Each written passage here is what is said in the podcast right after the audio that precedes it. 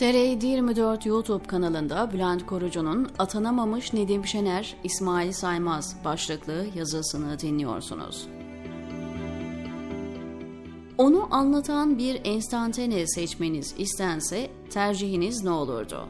Ben Halk TV canlı yayınını basan zorbalardan kaçışı, eli cebinde arbedeyi seyredişi ve tekrar yayına dönüldüğünde takındığı kuru gürültüye pabuç bırakmadık efeliğini birinci sıraya yazardım.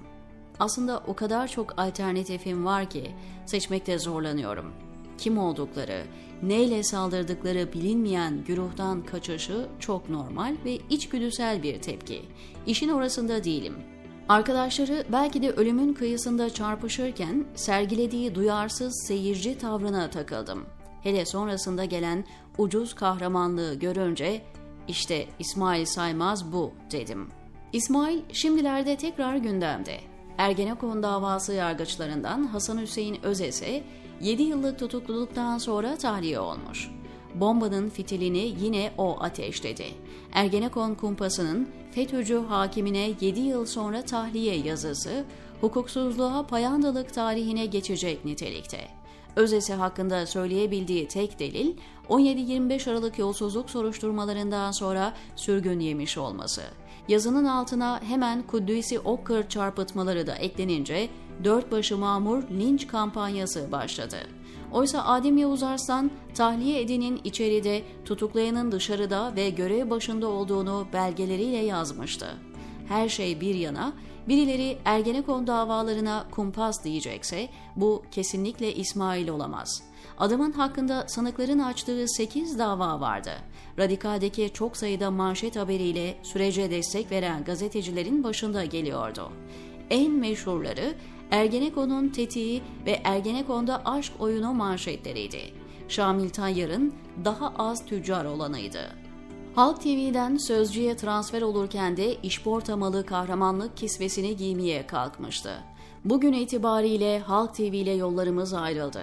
Yaklaşık 20 aydır omuz omuza çalıştığım Halk TV emekçilerine ve sevgili izleyicilerimize çok teşekkür ederim. Bu paylaşım CHP'li kanal saymaza yol verdi şeklinde yorumlandı.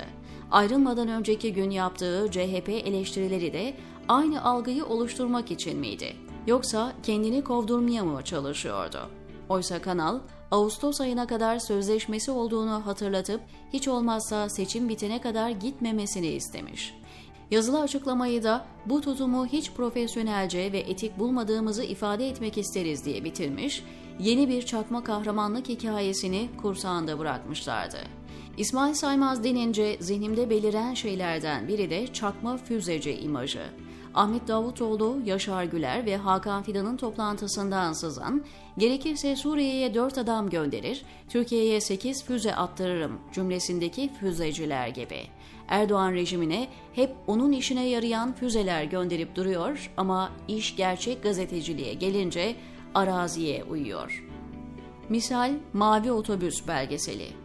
Darbecilikten yargılanan bir grup hava harbiyelinin çektiği ve toplumda ses getiren yayın hakkında en ağır eleştirileri sosyal medyada yaptı.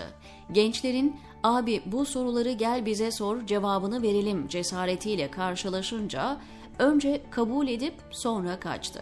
Böylece ayağına gelen bir gazetecilik fırsatını daha tepti. İddialarına güvenen gerçek gazeteci balıklama atlardı söz konusu teklife. Gazetecilik fırsatını tepmek demişken eski İçişleri Bakanı Süleyman Soylu'yla canlı yayını da unutmayalım. Sedat Peker'in suçlamalarını cevaplamak üzere Habertürk'e çıkmayı kabul eden Soylu'nun özel isteğiyle programa dahil edildi. Röportajdan çok aklanma ayinine dönüşen yayından sonra en fazla eleştiri alan isimlerdendi.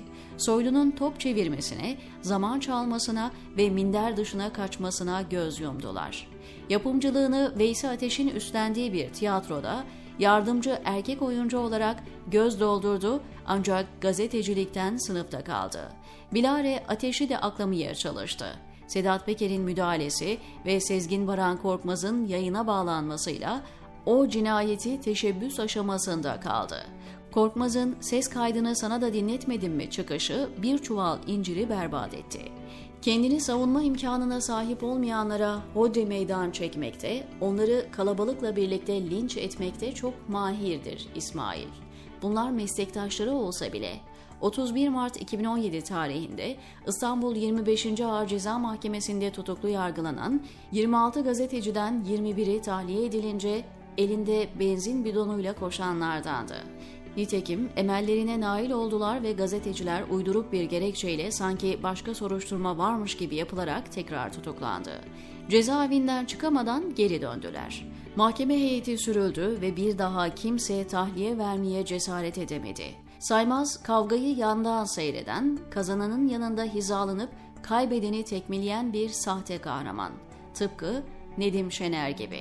Şener'de Ergenekon'u demokrasiyi zehirleyen vesayetçi zihniyetlerin bir arada olduğu yapı şeklinde niteliyordu. Kendini kurtarmak için şunları söylüyordu. Dink cinayetinin Ergenekon'la arasındaki bağlantıyı kitabında yazacak kadar da cesaretli bir insanım. Çünkü Ergenekoncular beni tehdit etti. Fırtına dindikten sonra avcılar kahvesinde üfürenleri aratmayacak şekilde hikayeler anlatıyor Nedim.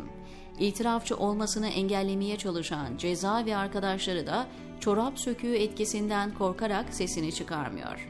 Nedim'le İsmail aynı familyadan.